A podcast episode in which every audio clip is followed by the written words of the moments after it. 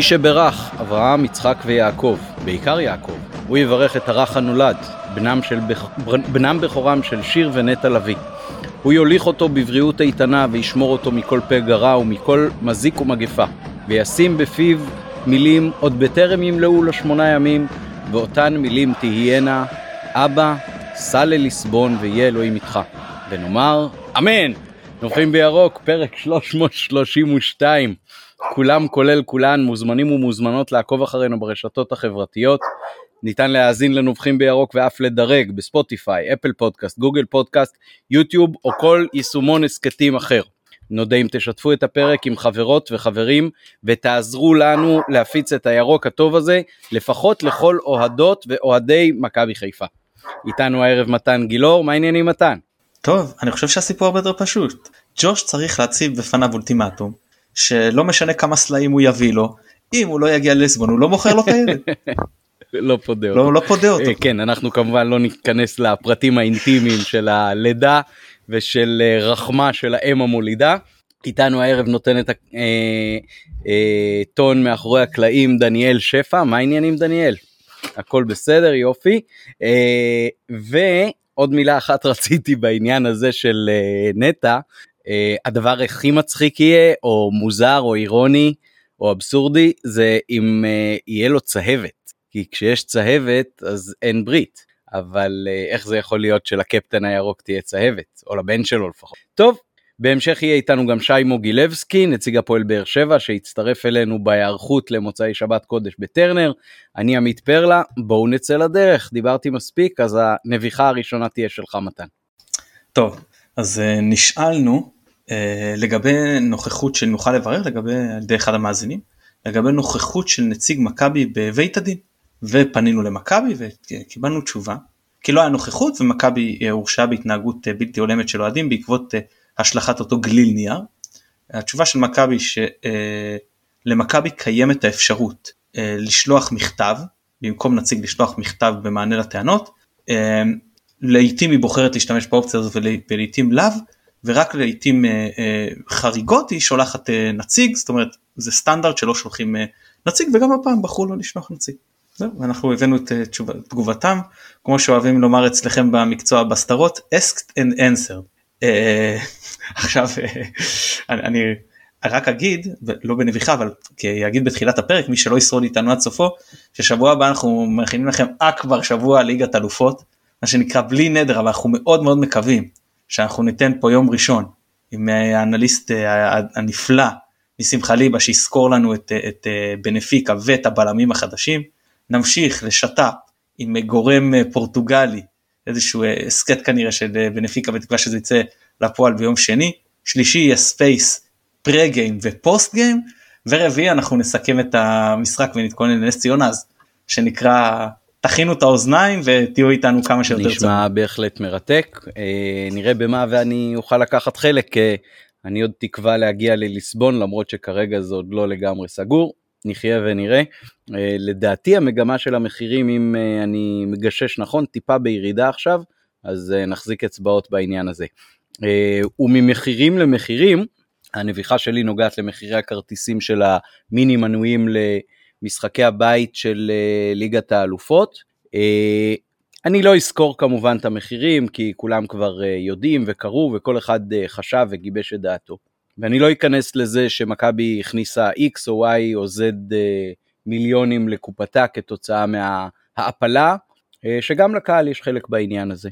אבל אני כן רוצה להאיר את האור על כמה נקודות אה, שאני לא בטוח שכולם שמו אליהם לב וחשבו עליהם, לא במכבי ולא גם באוהדים שגיבשו את העמדה, כי מאוד קשה להגיד על דבר יקר או זול כוחות השוק והנה לכל מנוי יהיה קונה אז uh, מה אתם רוצים? מכבי ממקסמת רווחים אבל כבר uh, זקננו ואמרנו פעם אחר פעם שמכבי היא לא רק ארגון כלכלי היא אולי בשלב מסוים גם ארגון כלכלי אבל היא לא מוסד לכוונת רווח וזהו ולכן צריך לחשוב על עוד נקודות אז אני אעיר כמה נקודות.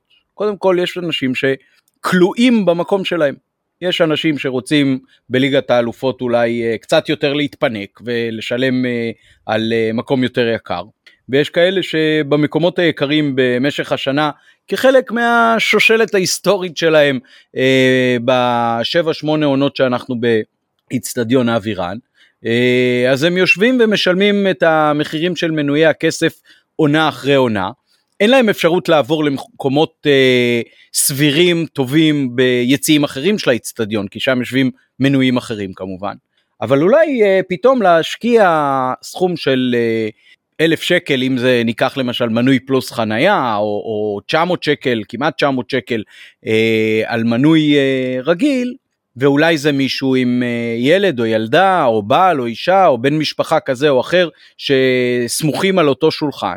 ההוצאה הכספית כבר הופכת להיות מאוד גדולה ואז למשל נגיד אני עם שני ילדים אז uh, המנוי עם החנייה זה כבר כמעט 3,000 שקל אז הייתי בוחר לעשות אולי מנוי ביציאה הדרומי לא ראיתי שהמועדון מציע את זה uh, ועד כמה שהבנתי מתוך הגלישה באתר לא הייתה לי אפשרות כזאת וזה גם לא מקומות שישוריינו לי אחר כך אלא הם ישוריינו בצדק אולי למי שהמנויים שלהם uh, הופקעו לטובת וופא. אז uh, יש פה איזשהו באג. עמית רק כדי רק כדי עמית רק כדי לוודא שיבינו אותך כי לא, לא בטוח שהמאזינים יבינו אותך מה שעמית מציע זה שלב כמו, ב, כמו בכל מכירה בגדול אחרת שלב מנויים יקנו את המקום שלהם ושלב הבא רק מנויים עדיין לא גרין פלוס יקנו את שאר המקומות שנשארו פנויים באיצטדיון שלא אה, נתפסו על ידי המנויים לא, של אותו מקום כי כמובן שלמנוי מובטח קודם כל המקום שלו זאת תהיה שלב ביניים ורק לאחר מכן החברי גרינפלוס יוכלו לתפוס את המקומות הפנויים באצטדיון. לזה אני מתכוון נכון? ולא זו אף זו. היום באיצטדיון מכורים 21 אלף מנויים. אם אני היום רוצה לרכוש מקום שהוא כרגע לא תפוס והוא יוצא למכירה בהמשך ועל אחת כמה וכמה אני גם יפנה את המקום הטוב שלי ביציע הכסף למישהו ממנויי הפרימיום למשל שיעדיף למכור, לקנות ביציע כסף ולא בדרומי. ואת הדבר הזה מכבי לא מציעה ולא מספקת ולדעתי, ולדע, לעניות דעתי, זה מצער וחבל. אה, אין גם התחשבות בנושא של תא משפחתי אה, במחירים. אה, למשל, אם, אם רואים אה, מנויים מקושרים לאורך שנים, בפרט אם הם נושאים גם את אותו שם, כן? לפעמים יש את הבעיה שרכשת ולא שינית את השם, זה עניין אחר. אבל אם יש אה, מנויים על אותו שם, אפשר אפילו להוכיח בספחים של תעודת זהות את הקשר המשפחתי, או בכל דרך אחרת. אז אפשר אולי לעשות שמשפחה שיש לה שניים או שלושה מנויים תזכה להנחה של חמישה או עשרה אחוז מעבר למחירים המוצעים. זה לא איזשהו משהו בשמיים, זה כן משהו שמעיד על תשומת לב שאני חושב שהייתה מאוד מאוד uh, במקומה ומכבדת. ואני אומר עוד פעם, לא, לא נכנס כבר למחירים, כן יקר, לא יקר, אבל יש פה שוב יצירת מדרג משנה ביציעי הכסף, שזה משהו שלא היה בתקופה האחרונה, ולמיטב זיכרוני, גם לא במחירי המנויים, אה, או במחירי הכרטיסים לאורך תחילת העונה. אה, אין פה למשל אפשרות שאפשר היה לעשות של תמריץ לקשבק במקום ספסרות. חלילה לי מלעודד ספסרות ואין לי שום כוונה לספסר בשום כרטיס ואני נגד זה, וזה לא חוקי, הכל טוב ויפה. And yet, אני חושב שאם למשל מכבי הייתה מציעה אה, שמנוי שמעמיד את אחד הכרטיסים למכירה, אה, יוכל אה, לזכות לאיזושהי הנחה ואז אה, אולי אנשים גם היו אה, מצליחים לכלכל את צעדיהם הכלכליים בצורה יותר אה, נעימה וזה ומכבי גם הייתה יוצאת מורווחת מזה כי כרטיס שהיא תמכור ככרטיס בודד אה, לאנשים אה, שהם לא מנויים ואולי גם לא גרין פלוס זה תמכור גם במחיר יותר יקר ממה שהיא יכולה אולי אה, לעשות אה, מול המנויים שלה, זה חבל. אה, אני חושב שיש פערי מחיר גדולים מדי בין היציעים ובתוך היציעים בכל מיני חלוקות משנה כאלה. הפערים הכי עצומים הם מול כרטיסים אחרים שאוהד כדורגל רוכש. בישראל וגם בחלק מהמשחקים בליגת האלופות בשלב בתים במקומות אחרים, אם אנחנו קונים את הכרטיס חוץ אה, ליסבון ב-94 ש"ח, לא יודע אם זה כולל עמלה כלשהי או לא, אבל 94 ש"ח, למה, זה נכון שרמת המחיה וה, וכולי בפורטוגל אולי יותר זולה, אבל למה האוהדים של מכבי צריכים באמת לקבל סוג של עונש בגלל שהקבוצה מצליחה? זה, זה, זאת הסיטואציה כרגע, זאת, ה, ה, זאת ההצגה. מכבי הצליחה ולכן אתם עכשיו תיענשו כי עלינו לליגת האלופות. כי אם היינו עולים לקונפרנס היינו לוקחים פחות. למה? למה? האם העלויות אירוח בוופא הן כל כך כבדות על המועדון, או שזה פשוט סתם ניסיון למקסם רווחים בלי לחשוב על זה שהקהל הוא חלק בלתי נפרד של ההצגה הזאת. אז uh, לדעתי, שמעתי גם מכיוון היציא הצפוני uh, המהומי חוסר שביעות רצון על המחירים. למרות ששם בעיניי המחירים הם הרבה יותר סבירים והם קרובים מאוד למה שאני משלם בליגה או בגמר גביע או במשהו כזה. אבל uh, לקפוץ פתאום למצב של כמעט 300 שקל כרטיס שזה פי שתיים מהמחיר הכי הכי גבוה שאני מסוגל לדמיין ולהיזכר שמשלמים על כרטיס ב, ביציע הכסף בכל משחק אחר ב... למה?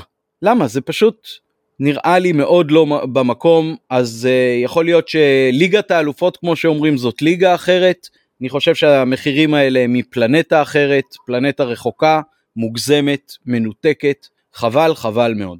משהו שלך על זה או שנעבור לכדורגל. לא שמעתי הרבה דעות לעניין המנויים יש כאלה שחושבים שיקר יש כאלה שחושבים שסביר יש כאלה שאומרים שאפילו זה זול. אמ, אני לא נכנס לעניין המנויים אני לא אביע דעתי ברשותך. אני רק רוצה להגיד דבר אחד אני מאוד מקווה שכמה שיותר מזה אה, יושקע במועדון וזה מושקע בינתיים ואני מקווה שגם יסיימו פה עם סגל שאני חושב שזה לא אני מודה שאני סקפטי מאוד אבל אם יהיה סגל שבאמת יצליח להתמודד השנה גם ליגת אלופות וגם על האליפות וגם אם לא יזכה באליפות איזשהו סגל אה, שיוכל לאורך שנים להביא אותנו קבוע לשלב בתים אירופאי ולהיאבק על האליפות ואתה יודע לקחת אה, אה, אפילו בקונפרנס ליג להתקדם קצת.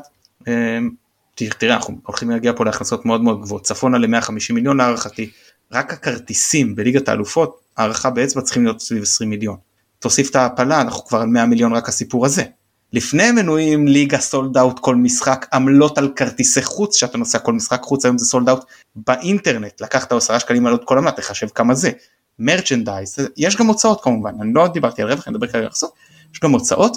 אני חושב שהולכים להישאר פה עם רווח די יפה ואני מאוד מאוד מקווה אה, שזה יושקע נכון אה, בצורה מקצועית ותראה בעונות האחרונות עושים את הדברים נכון אז בהחלט כן. בוא ניגע בכדורגל. שיחקנו את המחזור הראשון אה, כמשחק שני ניצחון חוץ אה, נאה בדוחה בירת סכנין אה, עלינו שם ממכבי חיפה ב' או מכבי ב' אז אתה רוצה לתת לנו ככה את הסיכום משחק שלך?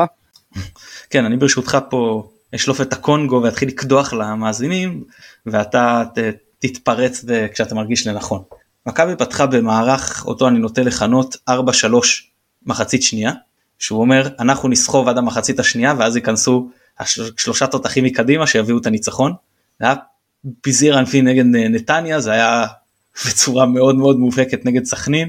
אה, ככה, ככה נצטרך ככה נצטרך נגד נס ציונה ככה נצטרך נגד הפועל ירושלים ככה נצטרך נגד ריינה ככה נצטרך אני לא יודע אם נצליח אבל ככה אין, אין ברירה ככה אתה צריך לעלות עם הרכב משני זה לא רק שאתה עולה עם שחקנים שעל פניו הם פחות טובים לפחות רובם אלא הם לא מתואמים אחד עם השני זה לא שלקחת שני שחקנים החלפת בהרכב ואתה מכניס אותם לתוך ההרכב המתואם וזה קשה כשאתה לא רגיל לשחק עם אף אחד וראית את המוגבלות אה, וראית גם שיש שחקנים לא בכושר. אז באמת מכבי עלתה מלהיות יותר רציני.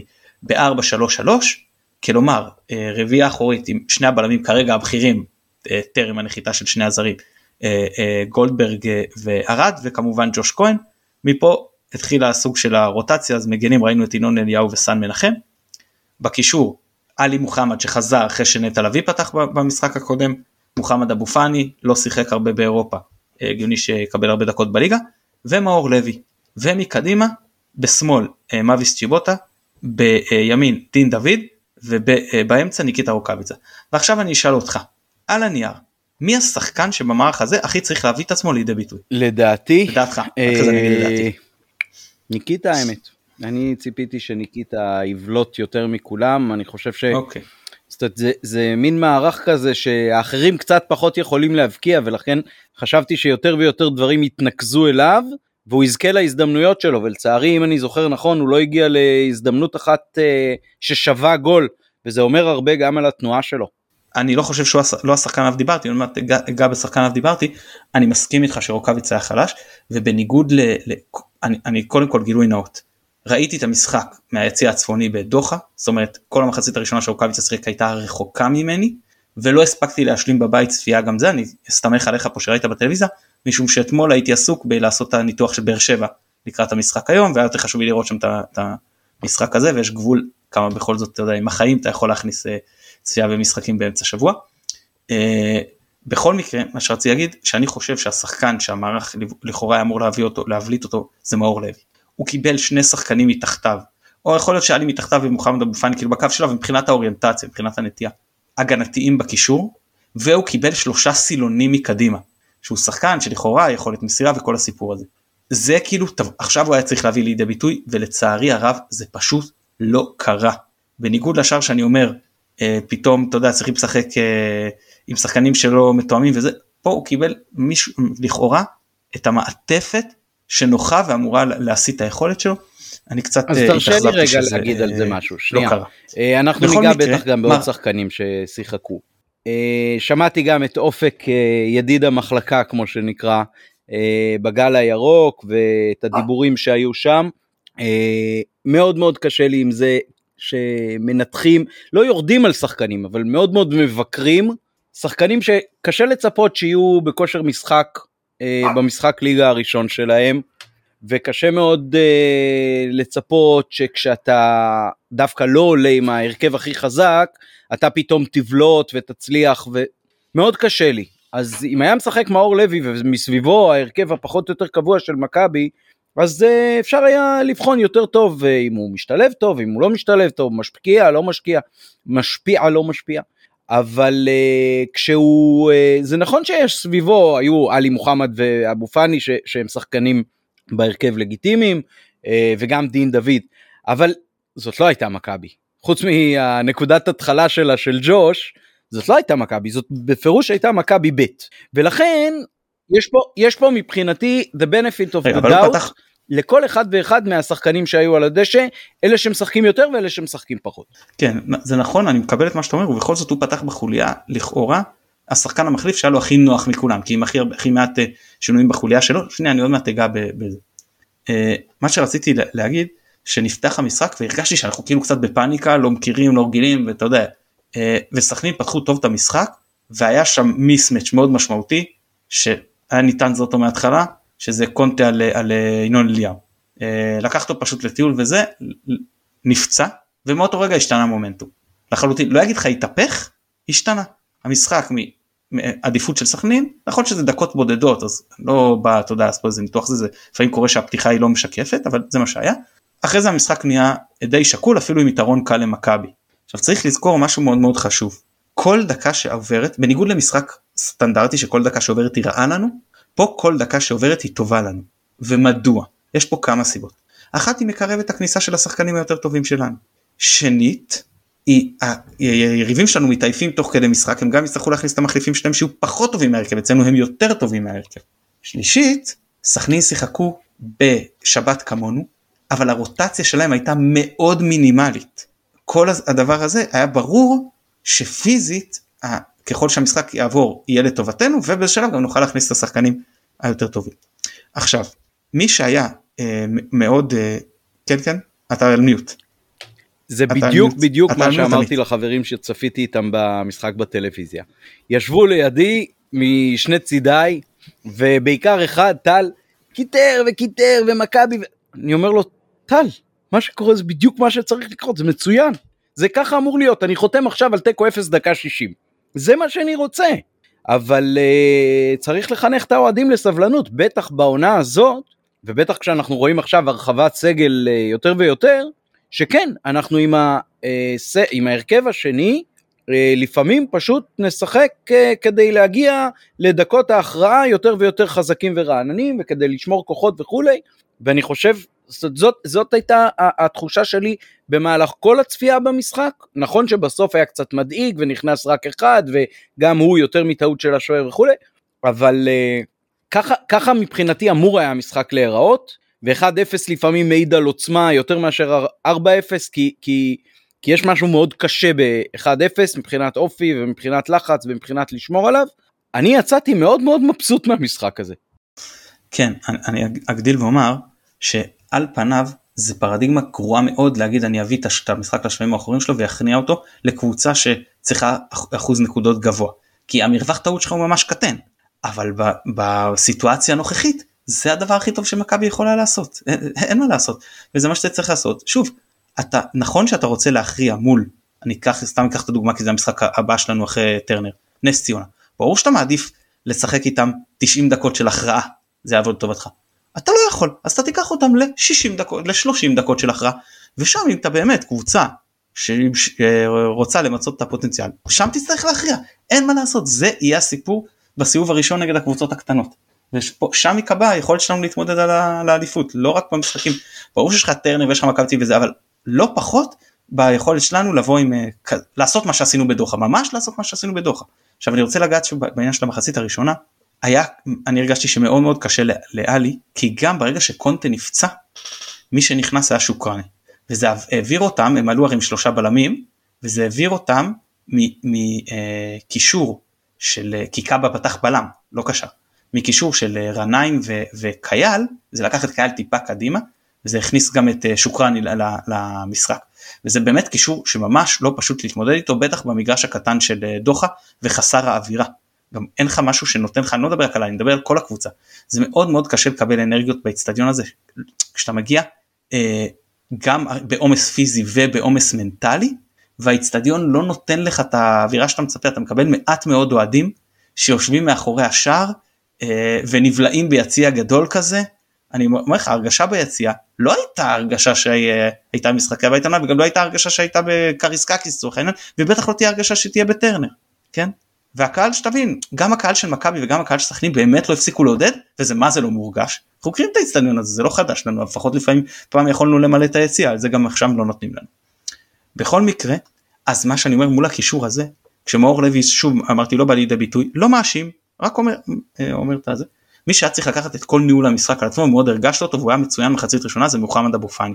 קופץ רגע לדקות האחרונות של המשחק אבו פאני לא רץ מאוד מאוד מתעצבנים עליו האוהדים בסדר האיש ניהל לנו את הכל במחצית הראשונה היה אה, יחידה של בניית התקפות של איש אחד אה, בלי כמעט בלי עזרה כי השחקנים גם שהיו מקדימה זה לא חזיזה ואצילי ושרי שיודעים לבוא ולשחק איתך ולהשתתף במשחק זה שלושה שחקנים שרק חושבים קדימה אין להם את ה... הם לא משתתפים בבילדאפ, כן? אז, אז, אז זה מה שצריך אה, לקחת גם בחשבון, היה עליו עומס מאוד מאוד גדול. ואני חושב שמחצית ראשונה הוא עשה את זה מצוין. עלי נשאר קצת להתעסק עם עניינים הגנתיים, פחות השתתף בסיפור הזה של הבניית התקפות, היה לו קשה מאוד, אה, אה, אז אני נותן לו פה על זה שהוא היה קצת פחות טוב, זה לא מה שנקרא הנחה. מי שכן בא יחסית לידי ביטוי היה צ'יבוטה, הצלחנו לבודד אותו באגף, זה בא טוב, הוא, הוא כן הצליח אה, בכמה דריבלים, הוא כן הצליח לסכן, דינדה לצערי לא מצא את עצמו כל כך ב, בימין, בסדר זה לא התפקיד שלו, זה לא העמדה שלו, אני באמת לא מאשים אותו. הרגשתי ששניהם לא עוזרים מספיק למגנים, יותר מדי פעמים סיפורים של אחד על אחד, והמגנים שלנו לא התמודדו טוב באחד על אחד, ואנחנו יודעים של שני המגנים האלה ספציפית, יש בעיה בין אחד על אחד, אבל אני אגיד משהו לזכות uh, ינון אליהו דווקא, הרמות שלו, נכון שהן לא היו, היו מדויקות, אבל אתה רואה שהוא בא, הוא, הוא בסדר, יש לו מרגיש בנוח להרים, והוא מצליח לנתק את הכדור מהקרקע, חבר'ה זה לא טריוויאלי, יש פה שחקנים שזה, והוא כיוון כללי ההתקפה, אני מזכיר זה לא רז מאיר שהיה רץ ומוציא את הכדור ל, ליריבה למתפרצת, אה, וזה משחק ראשון אחרי הרבה זמן, גם הייתה התרגשות, משחק ראשון במכבי, וגם אה, אה, הוא לא, לא בכושר משחק, אז העניין הגנתי אני לא יודע כמה ישתפר, אבל לפרקים שנצטרך פה איזשהו כלי התקפי, ואנחנו רוצים שסונגרן אה, ינוח, אז יש פה משהו ש, שבאמת אני חושב שעוד אפשר לצפות ממנו יותר, בטח אם הוא יוכל לשתף יותר פעולה עם, אה, עם אה, קשר באגף, מה שקצת ראינו יותר במחצית השנייה, אם אני קופץ עוד משהו לא, במחצית הראשונה, לקפוץ לשנייה, כי לקפוץ לשנייה, אה, אני שותף למה שאמרת על ינון אליהו, בסך הכל באמת, גם הופעת בכורה ראשונה במכבי, גם עם השחקנים של הסגל ב' של מכבי, גם באיצטדיון חוץ לא פשוט, גם כשאין לו כושר משחק, זאת אומרת זה לא רק משחק ראשון במכבי, זה גם משחק ראשון אחרי המון זמן שהוא לא שיחק. אז uh, כל עוד לא הייתה פה איזושהי פלטה נוראית, הופעה חסרת ביטחון uh, סטייל uh, שי בן דוד בזמנו, אז uh, דיינו. זה גם צריך להזכיר, אמרת את זה על, על אלפונס שנה שעברה, אז אני אגיד את זה גם על ינון אליהו. הוא שיחק בקבוצה שירדה ליגה. הוא לא רגיל לבוא, להיות הדומיננטי, הקבוצה היותר טובה, הקבוצה עם היותר ציפיות, קבוצה שהיא זאת שצריכה עכשיו להשיג את, ה, את השער, היא זאת כאילו, זה, זה סיטואציה שונה. ודרך אגב, הרבה- אמר- הרבה אמרת שנייה. אמרת גם משהו על הרמות שלו, שם- זה לא רק שהוא הצליח לנתק, הוא גם הרים, בנ- זאת אומרת, קבלת ההחלטות הייתה נכונה. זה היה רגעים נכונים להרים כשהוא הרים את הכדור. זה שהלך לו פחות טוב, בסדר, זה גם עניין של כושר משחק.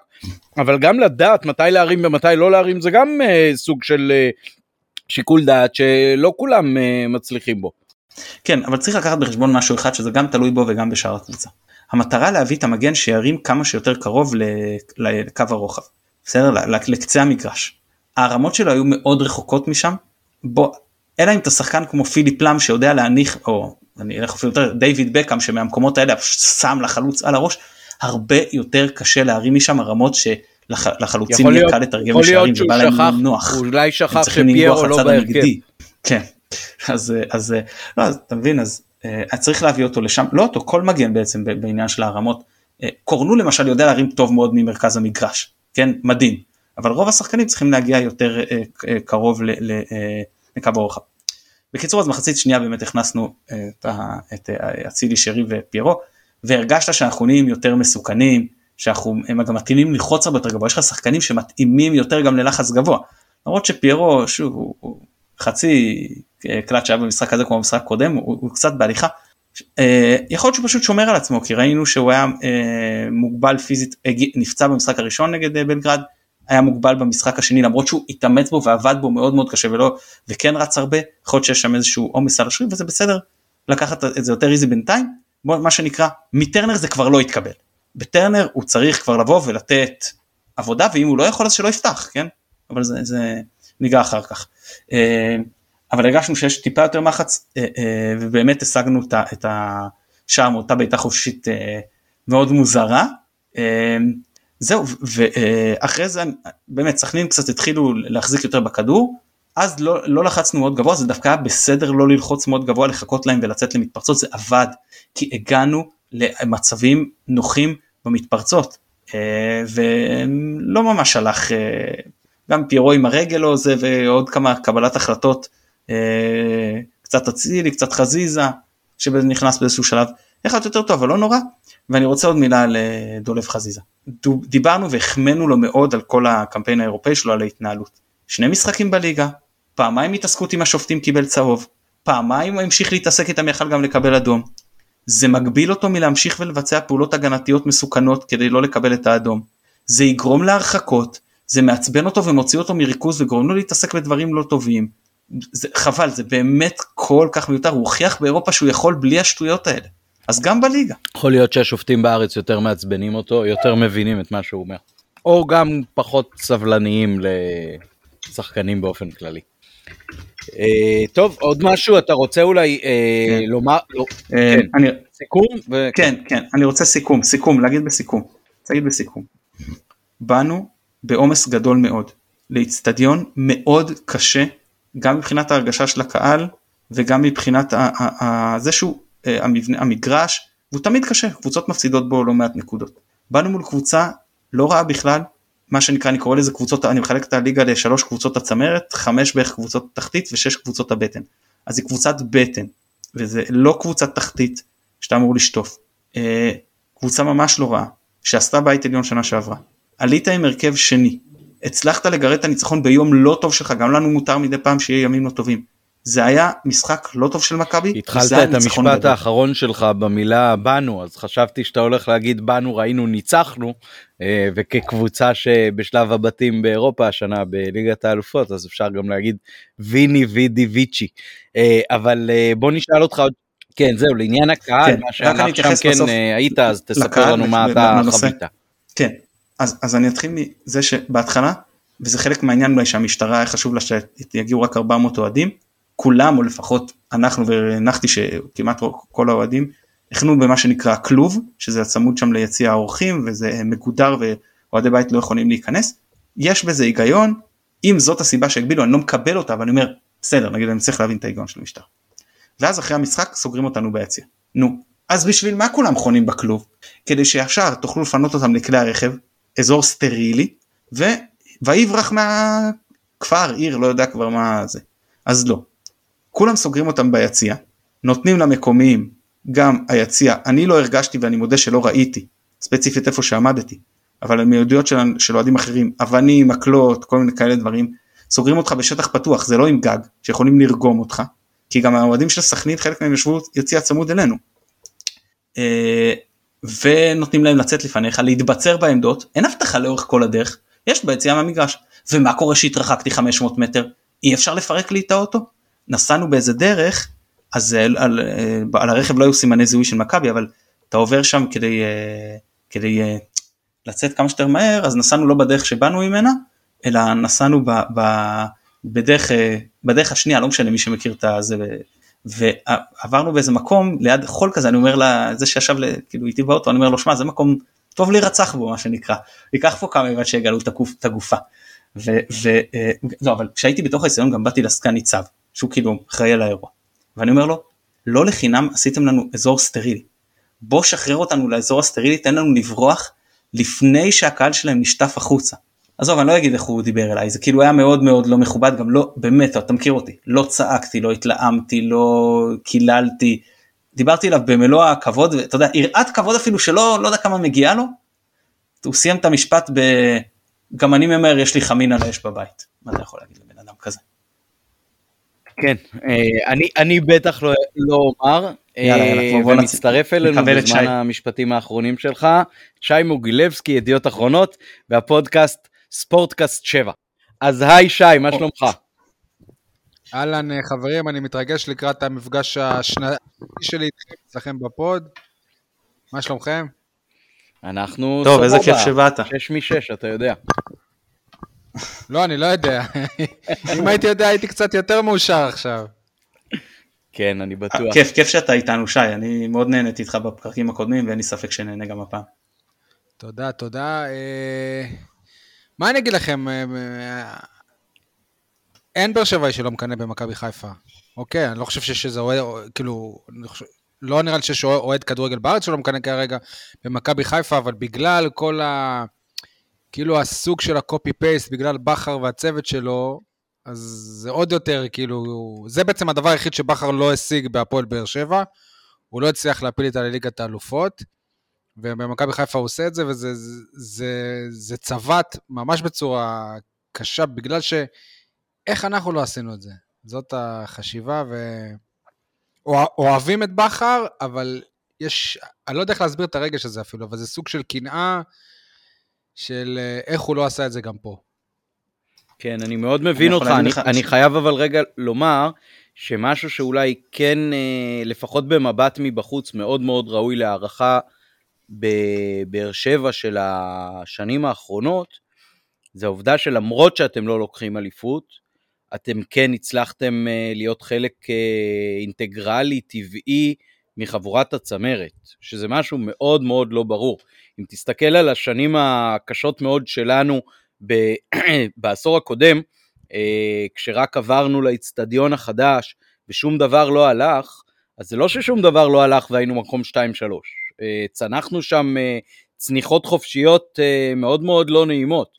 אז מהבחינה הזאת אני חושב ש... כ- כמותג, כמועדון, כברנד, כאוהדים שלו, אתם יכולים להסתכל על, על הדבר הזה כעל אה, מקור עוצמה מאוד מאוד גדול. אה, ואני חושב שברגע שיהיה לכם אה, יותר את התפיסה העצמית של הדבר הזה, של מה שאני מתאר מבחוץ, אז תוכלו לחיות אולי אפילו יותר בשלום עם עונות שבהם מתמודדים בצמרת, אבל לא לוקחים אליפות. כי אני חושב נגיד היום, אחרי שנתיים של אליפות, על, על היום שבו לא נזכה באליפות. אז, אז אני חושב שאני כן אדע להעריך יותר, אם אני אהיה בתחרות, גם אם אני לא אזכה בה. כי השנים הארוכות של לא להיות בתחרות, זה, זה פשוט אה, מטריף את הדעת. תשמע, אני יכול להגיד לך שאתה מדבר עם מישהו שלא תיאר לעצמו שאי פעם בחייו הקבוצה שלו תהיה אלופה. אוקיי? זאת אומרת שגביע זה מקסימום השאיפות שלו, אני באופן אישי מאוד מאוד מעריך את, ה... כל התקופה, בוא נגיד את העשור האחרון הזה, ורק לחזק גם את מה שאתה אומר, שהפועל באר שבע כאילו באמת לא התרסקה בשנים האחרונות, עברו עליה דברים מאוד קשים, כי זה לא רק העזיבה של בכר וכל מה שבכר הביא איתו, אני מזכיר, אלונה ברקת אה, הודיעה שהיא עוזבת, גם אה, הלכה לפוליטיקה, אחרי זה בגלל הקורונה, וזה, עברנו דברים קשים, ולמרות זאת אה, נשארנו חלק מחבורת הצמרת הבכירה, ובאמת גם שני, שני גביעים. זה לא מובן מאליו למועדון שזכה בשלושה גביעים בסך הכל. אז אה, כן, יחסית בסדר, אבל מצד שני, גם יש הרבה הרבה הרבה אוהדים, אולי אפילו הרוב, ששכחו, כאילו, ששכחו את הפועל באר שבע של פעם. שבשבילם כבר אם לא זוכים באליפות זה כישלון. וזה מאוד מאוד כואב לי ב... בסביבה שקרובה אליי, זה, זה מורגש מאוד. אה, וזהו. בואו נקווה שמת, שמתישהו הם כן יקבלו את מה שהם ממש רוצים, וגם אני רוצה, אבל הם חושבים שזה חייב לקרות. אני רק יכול להתפלל שזה יקרה. כן, אני, אני צריך, צריכים לא לקבל את הדברים כדבר uh, טריוויאלי. הפועל באר שבע, התמודדות האליפות שנה שעברה, גביע, אלוף האלופים, שלב בתים. שמע, מה, באמת. ובכל כאילו- זאת, כאילו... ובכל זאת, בניגוד למכבי חיפה, שכל משחק סמי עופר בטירוף עם ה-30 ומשהו אלף אוהדים, הפועל באר שבע מגיעה למשחק, למשחק עם מ"ס אשדוד, משחק ליגה ראשון בעונה, ויש לה 12 אלף מנויים ומגיעים 11 אלף אה, אוהדים. באמת רציתי לשאול אותך על זה, כי ראיתי אתמול ביציע המון קרחות מהטלוויזיה. מפונקים, אין, אין תירוץ אחר. אוהדי הפועל, הפועל באר שבע התרגלו לדבר הטוב הזה, וזה כבר לא מושך אותם, והיה ברור, היה ברור לי שנגד אשדוד יהיו קרחות, ונגד מכבי חיפה יהיה סולד אאוט בעניין של כמה דקות. ואני גם הצעתי, כאילו, לא הצעתי למועדון, אבל אני אמרתי לחברים שלי שאם בהפועל באר שבע הם, הם חכמים, מי שרוצה ל, לרכוש כרטיס למשחק נגד חיפה, לחייב אותו לקנות כרטיס למשחק נגד אשדוד. לא עשו את זה, אני... ראינו מה שקרה באשדוד, לא אומר שבגלל זה הפועל באר שבע הפסידה לאשדוד, אבל uh, עדיין זה מבאס, מבאס לבוא למשחק כזה אחרי הפסד, זה הפסד מרגיז. אבל העונה, העונה גם הקבוצה משחקת, תקן אותי אם אני טועה, יותר uh, התקפית, מנסה לשחק כדורגל יותר אטרקטיבי, המתקן עצמו הוא מתקן מפנק, אני מת, ממש אוהב לבוא לטרנר. Uh, החניה היא לא הכי נוחה, אבל המתקן עצמו ברגע שאתה בפנים, זה, זה, זה ממש, uh, בסדר גודל הזה של האיצטדיון, הוא ביפר יותר טוב מכל איצטדיון אחר בליגה, אגב, כן? אגב, אם אני לא טועה, גם אתם, אתם הקבוצה שנוהגת הכי הרבה להתפנק בטוטו טרנר, אני חושב שאתם הוצאתם הכי הרבה נקודות שם, מבין כל קבוצות ליגת העל. אנחנו פיטים איתכם שם בליגה, אה, ארבע ניצחונות, ארבעה הפסדים. שזה לא טוב, תיקו. שמבחינת באר שבע זה לא טוב. נכון, נכון. אבל יש לכם, אם אתם מסתכלים על כל המסגרות, יש לכם יתרון, כי ניצחתם עוד ברבע גמר גביע הטוטו בגומלין 2-1 אם אתה זוכר. אגב, אני יכול להגיד לך שבכל שלוש, 12 המשחקים שקיימנו שם בכל המסגרות, אני הגעתי. כיף של איצטדיון. אה, בכל מקרה... אני חושב שהמשחק הכי הכי חשוב זה המשחק שחנך את טרנר. אומנם זה התיקו 0-0, שאם אני לא טועה, טוואטחה הורחק כבר בדקה השלישית או נכון, משהו כזה. נכון. באר שבע נכון. לא ניצחה, אבל זה משחק שפתח עידן מאוד מאוד משמעותי מבחינת המועדון. כן, אז יאללה בואו נדבר קצת אה, מקצועית, נדבר על הקבוצה, אז אתה רוצה לתת לנו ככה את השינויים המשמעותיים שהיו בקיץ, ואז נדבר קצת על המשחק נגד אשדוד?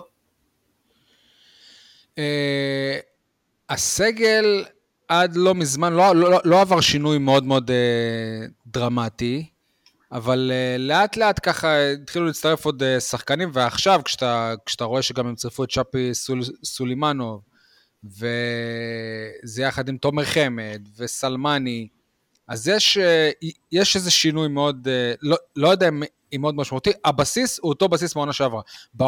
בעונה, בעונה שעברה, כשרוני לוי בנה את הקבוצה, החליפו קבוצה שלמה. עכשיו זה לא, זה לא הסיפור. אה, ניסו לחזק אותה בצורה נקודתית, אני חושב ששאפי סולימנוב, דוגמה לתפקיד של דנילו אספריה, זה שדרוג מאוד משמעותי. אה, תומר חמד וסלמני אמורים לתת יותר ממה ש... מעשרת השערים שרוקאביצה נתן בהפועל באר שבע, ואגב, אני לא מאלה שיגידו שרוקאביצה היה כישלון בהפועל באר שבע. אני חושב שיחסית לקבוצה שהייתה פה, לא נראה לי שיש חלוץ שהיה כובש יותר מעשרה שערים. אה, זהו, ובניגוד למק... למכבי חיפה שמביאה זרים ככה נראה באהלן אהלן כשהיא רק אה, רוצה, וראינו את זה השבוע, הפועל באר שבע עד שהיא מביאה זר זה קשה, זה משא ומתנים ארוכים, זה תמיד ברגע האחרון, זה תמיד אה, נופל ואז מגיע מישהו אחר ומספרים לך לא, זה שהבאנו זה, זה, זה האופציה הראשונה, אבל בתכלס אנחנו יודעים שהוא לא האופציה הראשונה ש... שרציתם. קיצור, אה, אפשר את גל אלברמן לבאר שבע? תראה, היה לכם אה, גם שנים טובות שדודו עזריה הצליח. להביא מה, שהוא בן והוא גוש שלו, לא? אם אינני טועה. ו... זה בדיוק העניין, אבל שדודו עזריה הוא לא full time job, אפילו לא full time job כסקאוט. פרילנס. לא, הבן אדם עובד בדיי ג'וב אחר, כאילו... אה, כן, כן, כן, ברור. הוא עושה את זה על הדרך. הפועל באר שבע לפני שנה עשתה דבר חדש ומהפכני מבחינת המועדון, מינתה מנהל מקצועי.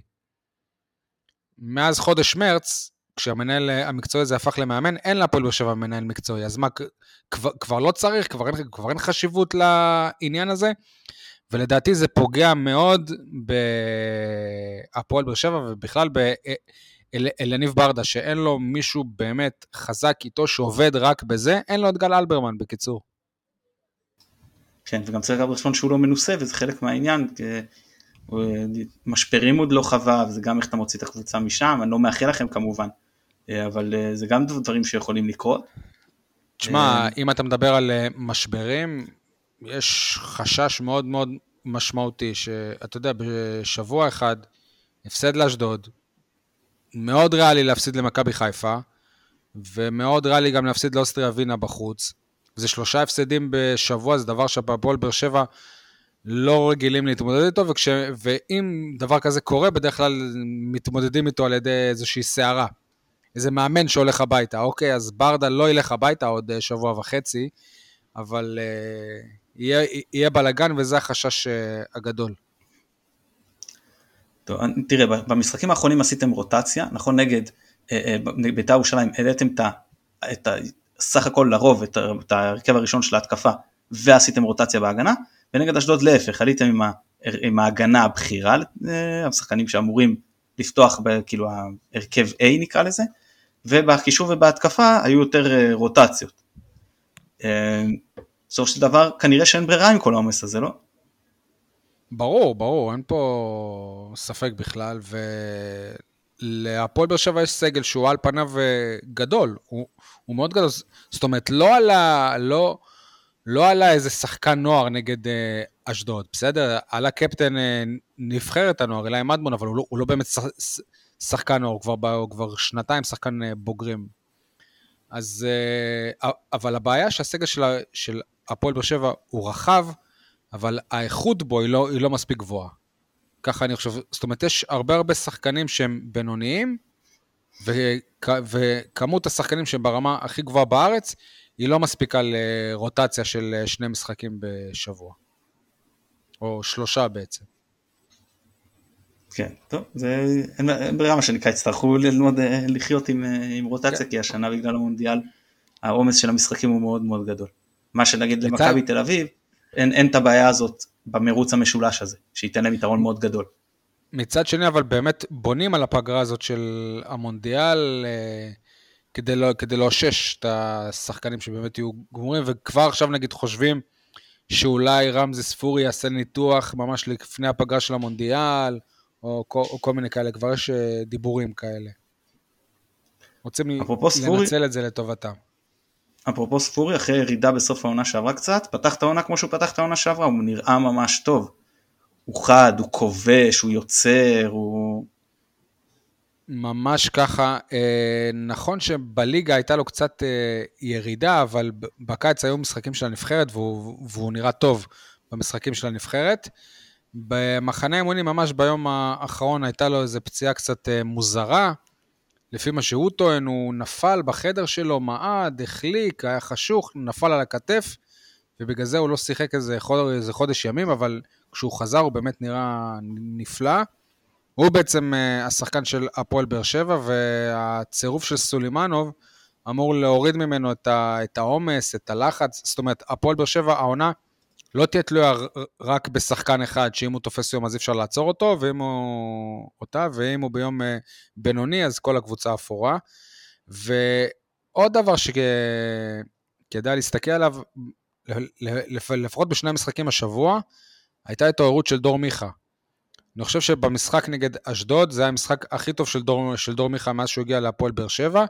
נראה שגם יש איזה שילוב מצוין בינו לבין רמזי ספורי, הוא, הוא בישל לו גם נגד ביתר וגם נגד אשדוד. ואני אני לדוגמה הייתי מאלה שכבר התייאשו, שלא, שלא ציפו לכלום מדור מיכה, שלא חשבו שזה יקרה בהפועל באר שבע, ווואלה, יכול להיות שטעיתי. הוא, הוא, הוא, הוא, הוא מראה סימנים שאולי אני לא בכיוון בקטע הזה. בישול נהדר. בישול נהדר, הוא נתן שם כדור לספורי, וכמו שאמרת, באמת הוא נתן עוד כמה כדורים, זה כמו שאמרת, עדיין לא דור מיכה של מכבי תל אביב, שמנווט משחק וזה, אבל הוא כן התחיל לחלק כדורים לשערים. אה, אני אגיד מי שלא ראה את המשחק, מאוהדי מכבי, אני יכין אותם, אז אה, תראו, זה התחיל מ... אה, המשחק היה בהתחלה כזה גישושים, זה לא נפתח מהר באיזשהו בליץ של אחד הצדדים, וטעות באמת קשה של מדמון, שהובילה לשער של אשדוד להתקפה מתפרצת, ואחרי זה הייתה בעיה שהוא אה, איבד את כל הביטחון והוא לא הצליח לתפקד. ברמה שהוא, ראית שהוא לא מצליח לשחק כדורגל בכלל, ובאמת ברדה לא הייתה ברירה להחליף אותו ולהכניס את בריירו, כי, כי פשוט זה לא, לא עבד. ואחרי שאז, שהוא נכנס, הפועל באר שבע באמת התחילה להתייצב ולהתמודד הרבה יותר טוב עם מערך שלושת הבלמים של אשדוד. כי עד אז לא כל כך מצאו את עצמם, ואז באמת המומנטום השתנה, עד, עד ל, ל, לשער השוויון, והעבירה של אה, מרטינס, ש, ש, שאני באמת לא מצליח להבין, הקבוצה השוותה עכשיו, המומנטום אצלך, בקבוצה יותר טובה, בבית, אני מאמין, אתה יודע, אנחנו לא יכולים לדעת, ואשדוד היא לא קבוצה רעה, ואני מאמין שאם זה נשאר 11 על 11, להפועל באר שבע יש סיכוי הרבה יותר גבוה לנצח את המשחק. סתם כזה חוסר אחריות כזאת, כזאת, כזאת, זה פשוט לנטוש את הקבוצה שלך. שאתה בא ועושה כזאת עבירה גם שלא עוצרת כלום, היא סתם מתפוצצת מתוך שחקן. מה הכי מרגיז? להפועל באר שבע היו שמונה כרטיסים אדומים בעונה שעברה בליגה, שזה מספר מאוד מאוד אה, גבוה. אם אני לא טועה, שישה מהאדומים האלה זה על אותה עבירה בדיוק כמו שמרטינש עשה אתמול, בדיוק, וזה גם קרה בסמי עופר במשחק הראשון, אותו משחק שבאר שבע איכשהו הצליחה לנצח, אבל רועי גורדנה קיבל שם אדום בדיוק על אותו דבר על ההתחלה. אנחנו, אנחנו, שבע... חווים, אנחנו חווים את הקבוצה שלכם uh, בשנה, שנתיים האחרונות כקבוצה שהיא מאוד אלימה. Uh, זה משהו שאתה יכול לראות גם uh, מבפנים, שזה קצת חורג מאגרסיביות לפעמים? אני לא חושב, כי זה לא שהפועל באר שבע גורמת לשחקני היריבה להיפצע. לא נראה לי שמישהו מהשח, מהשחקנים שהורחק באדום, אולי רק, אם, אם אני לא טועה, לרוקאביצה היה איזשהו אדום בבלומפילד, אני לא זוכר, נגד הפועל תל אביב אולי, שהש... או מכבי תל אביב, שהשחקן שעושה עליו את העבירה, הוא באמת גם הוחלף. כן, אבל זה, זה... לא, זה, לא לגמרי, זה לא לגמרי המבחן, כן? גם uh, גברים אלימים לפעמים יודעים להרביץ בלי שזה משאיר סימנים. לא יודע, תשמע, אני אגיד לך את האמת, גם מהצד, זה הכל תלוי באיזה פוזיציה אתה, כי גם לאוהדי הפועל באר שבע, מכבי חיפה נראית קבוצה של פרובוקטורים. סתם, אני, אני לא, לא שם. כאילו, אבל מדברים על זה שחזיזה עושה פה... תדמית, אוקיי, בסדר. חזיזה פרובוקטור, אפשר להודות, אנחנו מודים, חזיזה פרובוקטור, אנחנו לא, לא מתביישים להגיד את זה. אני לא באמת חושב שהפועל באר שבע, לא יודע, כאילו, אני לא מאלה שהתביישו לבקר את הפועל באר שבע, בסדר? אבל להגיד שהיא קבוצה אלימה, אני לא חושב. אולי אגרסיבית, כן, בעיקר כשהיא הייתה עם אה, רוני לוי, אבל גם לא חכמה, כי נגיד מה שקרה עם אספריה בסמי עופר. טיפשות. אה, כאילו זה אדום שלא, שלא קשור לכדורגל, זה אדום שקשור לטיפשות. זהו, זה, זה, זה, זה, זה מה שאני חושב בנוגע לפועל באר שבע קבוצה אלימה. אני לא חושב שהיא אלימה. אני, אני מדלג קצת למחצית השנייה אתמול, אז באמת אה, אה, אה יכולנו לעמוד קצת על טיבם של, של אה, אה סולימנוב בקצת יותר דקות, באיזה שלב גם אליאס נכנס לחזק את הקישור. ואז נכנסו גם אה, אה, סלמני וסטויאנוב החליף את, את ויטור שאני חושב שגם אה, המכה שהוא קיבל במחצית הראשונה יכול להיות שגם הציקה לו. תגיד לי אתה איך אתה ראית את זה, אני חושב שזאת אחת הסיבות שהוא הוחלף, שלא לא להעמיס עליו יותר מדי. מיגל זה שחקן שבאמת שומרים עליו בצמר גפן בהפועל באר שבע. אני בכלל הופתעתי שהוא סירק במשחק הזה. הייתי, הייתי בטוח שגם נגד אשדוד הוא, אה, הוא ינוח, כי את המשחק נגד אה, קריובה ביום אה, חמישי הוא סיים 120 דקות, 120 דקות שהוא כבר גמור. כאילו, העלו אותו כבר להתקפה כדי שהוא לא יפריע בהגנה, כי הוא לא יכל לזוז כבר. מה, מה שעשה לופה קדוש עם בלאיש, אם אתה זוכר.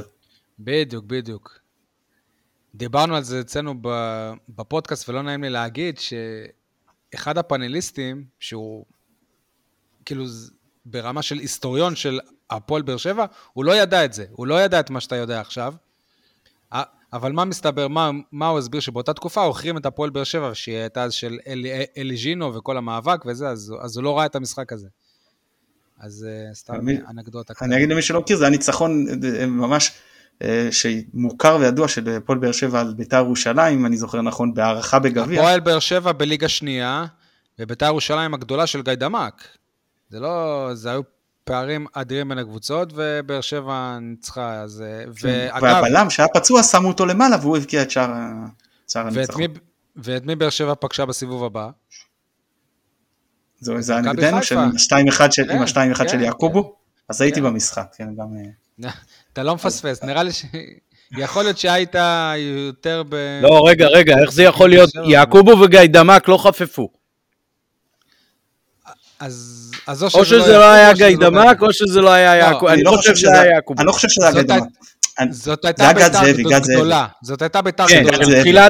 של תחילת שנות האלפיים, כן. כשהיה יעקובו, ולי יש סיפור על הביקורים אז בווסרמיל, שהגענו שנה אחרי... קודם כל אתה חי, אתה חי אז זה כבר טוב, כבר כאילו, הסיפור הסתיים טוב. שנה, שנה אחרי שנה הגענו לווסרמיל, ואח שלי ואני, וכמובן זה לא תקופה של מקומות מסומנים בכלל וכלום, ושנה אחרי שנה ישב לידינו אב ובנו, ישבו לידינו אב ובנו ממיתר הסמוכה לבאר שבע, שאמרו שהם אוהדי מכבי חיפה, וכאילו פשוט נפלו עלינו בשני משחקים רצוף אחד לידינו.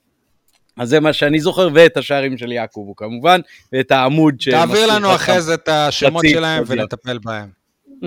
אנחנו נדאג לטפל בחבר'ה ממיתר. אני, אני חוזר ברשותכם למחצית השנייה אתמול, שבאיזשהו שלב שתי הקבוצות התחילו ממש, בעיקר ב-20 דקות האחרונות, להמר על התקפה. רן בן שמעון הוציא את הקשרים, נשאר עם קשר אחד, כל השאר רביעייה התקפית. עם אה, בריון ואדיר לוי, ובאמת אה, שם הרבה כלים אה, התקפיים. וגם הפועל באר שבע הלכה התקפה מן הסתם, קבוצה בבית שלה שצריכה את הנקודות, ובאמת אז היה משחק מה זה כיפי, כאילו זה היה ברור שכל רגע יכול ליפול פה שער לאחד הצדדים, ש... אני בתור כאילו צופה ניטרלי ממש, אתה יודע, אתה נהנה מהמשחק. הקטע שרן בן שמעון כבר, כאילו זה כבר ברור שהוא אה, בא לטרנר ועושה לבאר שבע בלאגן. כאילו, וזה כל פעם אותו דבר, וכל פעם באר שבע לא, לא נערכת לזה, ונופלת בזה. ובאסה, במקום לבוא עכשיו עם 6 אה, מ-6 לכזה משחק, היא באה פצועה, חבולה, אני מתאר לעצמי שגם עם אה, ביטחון אה, לא בשמיים, אבל מצד שני, יש גם יתרון בזה. כי באר שבע יש לה את הקטע שהיא אוהבת לבוא כשמזלזלים בה, כשהיא קטנה, כשלא סופרים אותה. זה שאחרי זה היא תבכה לה נקודות מול אשדוד, כן? הרי בסופו של דבר, בעונה שעברה, את הנקודות שלה מול הגדולות היא הוציאה. מול אה, מכבי חיפה ומול אה, מכבי תל אביב, בסך הכל היא הוציאה. היא נפלה בקבוצות הקטנות האלה, במשחקים האלה ש... שמי רוצה לנסוע אליהם ומי רוצה לראות ואיך הם תקועים עכשיו ופה ושם, ושם, שם היא הפסידה את האליפות. כן, אז בואו באמת, אה, אחרי המשחק נגד אשדוד נדבר קצת לקראת המשחק בין הקבוצות. בוא תנסה לשער לנו הרכב שאתה חושב שיפתח. בין היתר בגלל מה שקרה, אני מתאר לעצמי שבכר, אה, שבכר, אתה רואה, אני, אני עדיין שבכר הוא מאמן של, באר שבע. אני מתאר לעצמי שברדה יעלה בהרכב הכי חזק שלו. אה, זאת אומרת, אה, גלאזר, מיגל ויטור, אלא אם באמת הוא, הוא, הוא, הוא פצוע. עכשיו, בנוגע לבלם ש, שליד מיגל, דוגרי, זה לא באמת משנה. אני חושב שאין הבדל בין טיבי, אבו עביד, יהיו שיתווכחו אותי, שיגידו שחתם הוא אולי קצת אה, יודע יותר לצאת עם הכדור אה, קדימה ולעשות מהלכים התקפים. אני חושב שכבלם אין באמת אה, הבדל, אז יהיו אחד או שניים מהם, יכול להיות גם שברדה יעלה עם קו של חמישה בהגנה. ויש לו גם את העניין הזה של מי, מי לפתוח כמגן ימני. המגן הימני ההגנתי זה אבו עביד. המגן הימני הסטנדרטי זה אור דדיה, ואם הוא רוצה... תשמעו, אני חושב שהמגן הימני הכי טוב של הפועל באר שבע זה חאתם אל-חמיד. אני חושב שראית את זה גם מול אשדוד, אפילו כשהוא, כשהוא תפקד בסוף כמגן שמאלי. אני חושב שהוא ייצר הכי הרבה התקפות אתמול להפועל באר שבע. אז אני לא יודע בדיוק איך בכר אה, יתפקד איתו, כי גם, אה, גם הוא שחקן שלא באמת יכול לעמוד בעומסים של שלושה משחקים בשבוע, כי חאתם הוא שחקן מאוד פציע. אז לא יודע מה יהיה בקטע הזה, בכיוון הזה. בקישור האחורי בריירו. רגע, סטויאנוב. סטויאנוב, כן. כן. הוא מה הוא? הוא לא מגן ימני? הוא בלם? אני מתבלבל? סטויאנוב, בכפר סבא הוא שיחק כשחקן כנף. בבאר שבע אני חושב שהביאו אותו כי אמרו שהוא שחקן קו. אבל לא באמת ראו אותו יותר מדי, ראו אותו כמה דקות נגד מינסק וכמה דקות אתמול, ואני, ואני חושב שברוב הדקות אתמול גם הוא קיבל הוראה לא לעלות. כן, הוא מגן ימני, כאילו כן. זה מה שאני... אבל אין סיכוי, אתה אומר, כן. שהוא יפתח, לא נראה לא, לא, לא, לא, לא, זה לא בכיוון הזה. אני מתאר לעצמי שליד בריירו יש האליאס, שנכון לעכשיו ברדה תופס ממנו כ... כקשר הכי גרזן שליד אה, בריירו. אגב, בריירו, אחד המצטיינים בעונה שעברה של הפועל באר שבע, העונה זה לא אותו שחקן. עובר עליו משהו, לא יודעים, ענייני חוזה, הוא רוצה שדרוג, יש כאלה שאומרים אפילו, לא יודע, בעיות משפחתיות, זוגיות, לא יודעים, זה לא אותו שחקן. וזאת בעיה גדולה מבחינת אה, הפועל באר שבע, כי הוא באמת היה אחד הגורמים לזה שהפועל באר שבע עשתה בעונה שעברה עונה גדולה. אז אולי, ל... אולי, ירד לו, שי... אולי ירד לו האסימון שכישראלי הוא שווה יותר. יכול להיות. יכול להיות, הוא בא לפה בחוזה יחסית מאוד אה, נמוך, כי קיבל שדרוג קטן כשהוא הפך לישראלי, אבל כשהוא רואה מסביבו ששחקנים כביכול הרבה פחות בכירים ממנו מרוויחים הרבה יותר, אולי אפילו כפול, בטוח שזה עושה, עושה משהו. אני לא אתפלא אם ברדה גם ייתן לדוד קלטינס, נגיד אם הוא בסוף לא ילך על אליאס, לא משנה מה, ברדה לא, לא ילך על הרכב התקפי במשחק הזה. ברדה הוא... אני לא יודע, שני... לפני שאתה ממשיך, שני שחקנים שדיברת עליהם, שני שחקנים שדיברת עליהם, ברשותך אני רוצה רק להגיד משהו. אחד בריירו לדעתי היה השש הכי טוב בליגה שנה שעברה, זה אחד, ושתיים, חתם, איך ראית את ההבדלים שלו בין המחציות? ראית כמה גיל לוי היה לו קשה במחצית הראשונה, וברגע שחתם הפסיק להיות המגן הימני כאילו שתופס את הקו ככה כי גם בעשרה שחקנים הוא היה צריך להיות יותר מאופק ובטח כשהוא עזב את הזה, את העמדה, גיל לוי התחיל לתמוך הרבה יותר בהתקפה. כאילו ראית את המגן השמאלי של אשדוד, שחקן אחר לחלוטין, וזה בעיקר אני חושב בגלל אלחמיד. בעונה שעברה אם אתם זוכרים רוני לוי שם את חתם uh, כמגן ימני במשחק הראשון בטרנר כדי לשמור על אצילי ובמהלך הראשון של אצילי הוא עשה עליו גול. אז זה גם משהו שאני מתאר לעצמי שברדה יש לו את זה בראש. אני, אני, אני, אני, אני חושב שאם ברדה ילך באמת על הרכב מאוד הגנתי, יד אבו עביד יהיה המגן הימני. ואז חתם יכול להיות בלם. אה, אוקיי. אה, ולופז אמרנו כשמאלי, אז אתה אומר שבריירו בקישור לידו או אליאס או קלטינס, אני מתאר לעצמי, כן. אולי גם, אולי גם, יכול להיות גם, גם וגם בקונטקט יכול להיות יוספי גם, אבל באופן מוזר יוספי אפילו לא היה בסגל בשני המשחקי ליגה האחרונים. הבנתי שברדה קצת מאוכזב ממנו, הוא נתן לו לפתוח נגד קריובה, והחליף אותו ממש בתחילת המחצית השנייה, ומאז הוא לא בסגל אפילו, זאת אומרת, קורה שם משהו, אבל... אתה, לא, מאמין, אתה לא מאמין שמיכה יהיה חלק משלישיית קישור, כאילו. אני לא חושב, כמה שאמרתי שמיכה בכושר טוב, אני חושב שברדה יעדיף את ספורי. ואנסה, למרות שאנסה כבר היה נראה עייף מאוד אתמול, חמד גם, גם יפתח, אני מתאר לעצמי כי בינתיים הוא יותר מרשים מסלמני. אגב, סלמני בסגנון שלו, עוד לא ממש רואים את זה, אבל הוא מזכיר לי את רוקאביצה. זה, אני, אני חושב שגם פיזית הוא דומה לו, כאילו, אני חושב שהממדים שלהם דומים, שניהם כאלה, אותו, אותו מבנה גוף. אה, אני, אז חמד הוא זה שיפתח, חמד גם אה, ראינו אותו איך הוא התמודד עם, אה, מול הבלמים של חיפה באלוף האלופים.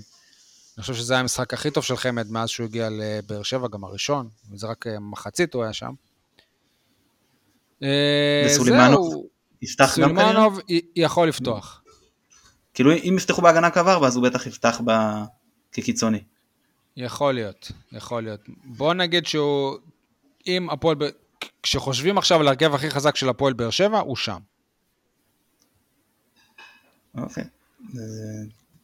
טוב, זה באמת, אה, תראה, תראה, זה הרכב חזק, אתה מסתכל על השחקנים, בסופו של דבר, יש פה קבוצה, זה לא שאין איכות בכלל, יש, יש קבוצה טובה.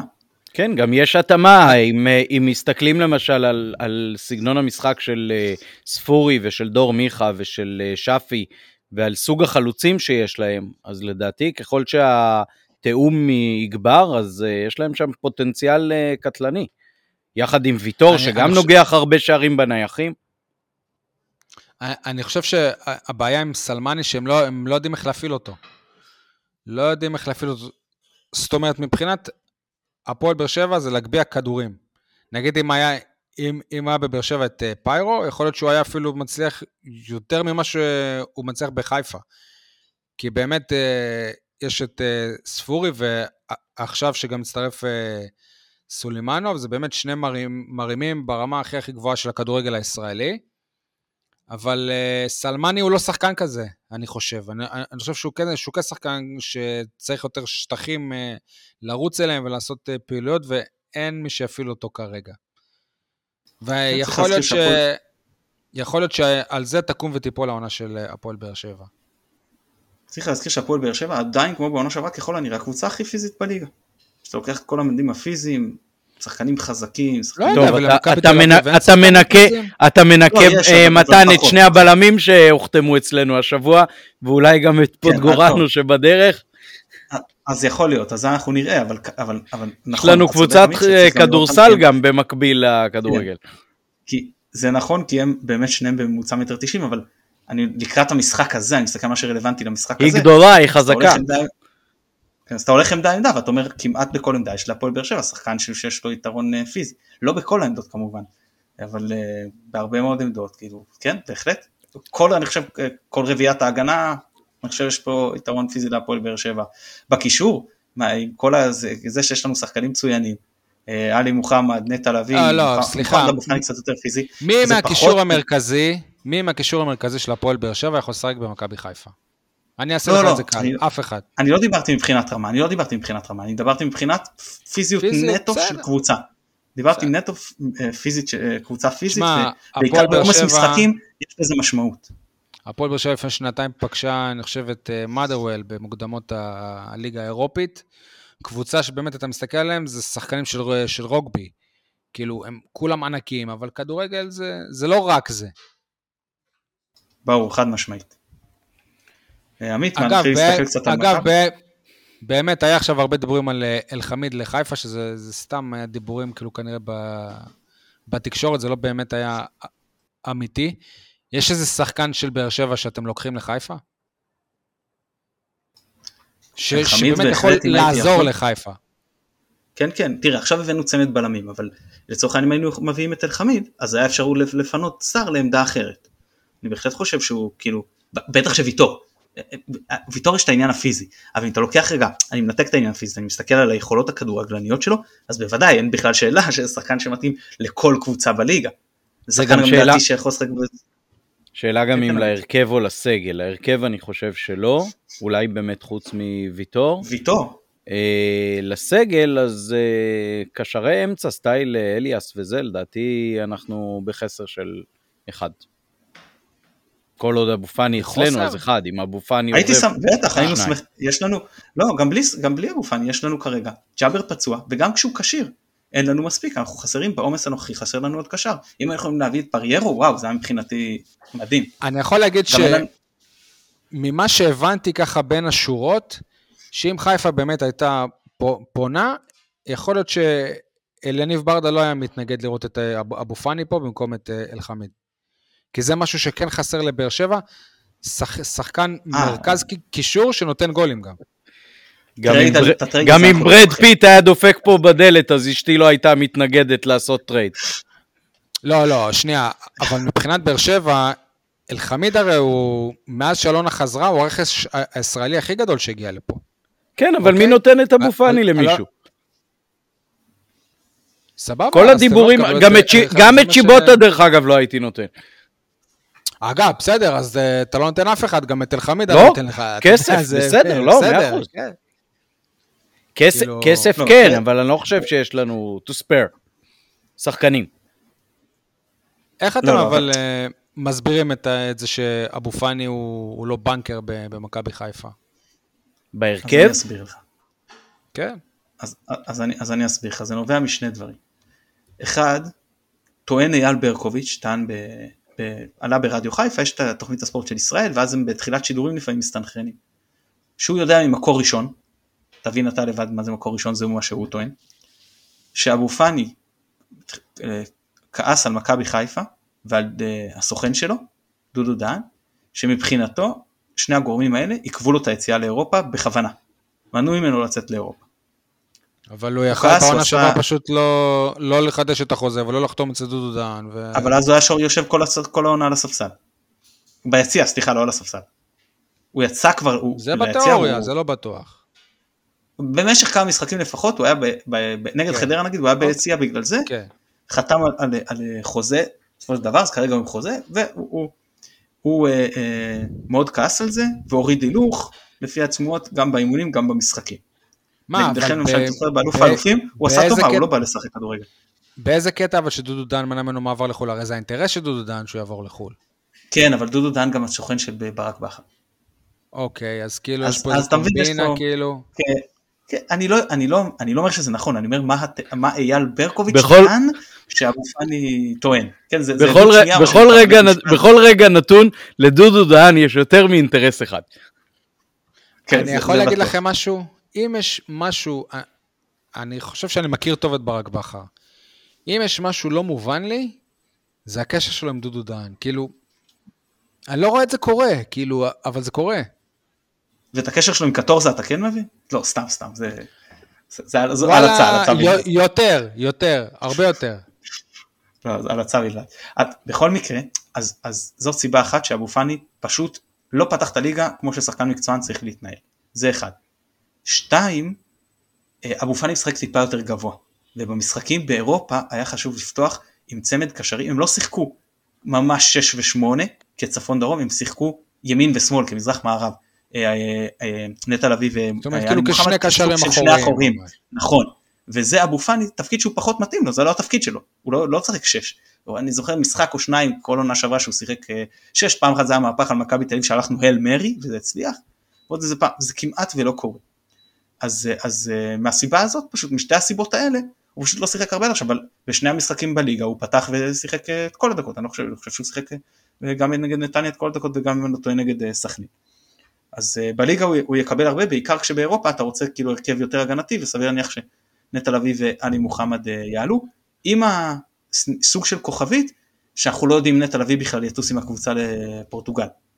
וכי כן. בגלל הברית של בנו, ואז במקרה כזה, מן הסתם שאבו פאני יפתח אין בכלל שאלה. אתם לא רוצים לדבר על שון גולדברג? אתם לא מבין כמה לא תפסו ממנו כאן. גם לא תפסו ממנו שבע- כאן, זה בסדר. לא תפסו ממנו בשום מקום. א' כל כן, אני, אני זוכר שכשהוא בא לבאר שבע, אז לפני זה הוא היה ב- בביתר אה, ירושלים, ואוהד חיפאים מהתקשורת, לא, אוהד של אה, ביתר מהתקשורת אמר לי, אם אתם רוצים לקחת אליפות, אתם לא יכולים להביא רכש כמו גולדברג. ואמרתי, בסדר, אני, אני לא הכרתי אותו. ובבאר שבע הוא היה מגן שמאלי סביר לחלוטין, זאת אומרת, הוא לא היה גרוע, הוא לא היה רע, אבל לבאר שבע יש מין קטע למרר את החיים למגנים ישראלים. בעיקר לבאר שבעים, אבל למזלו הוא, הוא לא באר שבעי, והיה כל כך זלזול בשון גולדברג, שבקרב האוהדים, לאף אחד זה לא הזיז אפילו שהוא, שהוא, שהוא עוזב. ווואלה, הבן אדם שחק אותה. חבל על הזמן, באמת, כאילו, כל הכבוד לו. אני לא יודע אם אתה מכיר את הסיפור, ברק סיפר אותו כשהוא התראיין, הוא אומר שהיה משחק אה, אימון לקראת הפועל ירושלים, משחק הון פנימי כאילו, והוא שם את גולדברג במחליפים כבלם. והוא היה ממש טוב, הוא אמר לו, תגיד, אתה התנסית, שיחקת פעם בלם? אז גולדברג אומר לו, כן, יצא לי בנוער לשחק גם בלם. ואז הוא פתח איתו נגד הפועל ירושלים בלם, ומה שנקרא שער היסטוריה. אני לא רוצה לבאס אותך, הוא שיחק גם אצל בכר בבאר שבע כבלם. סתם לא, אני לא מדבר, לא, הוא שיחק בלם שמאלי בקו חמש. כן, זה לא אותו זה דבר. כן. כן. זה לא אותו דבר, זה לא אותו אוקיי. דבר, לא, לא, אנחנו לא מדברים על זה. כן. אני- זה אני כן. זוכר, לא דיברנו, דיברנו על בלם בקו 4, זה משהו אחר. אה, דרך-. אגב, דרך אגב עכשיו.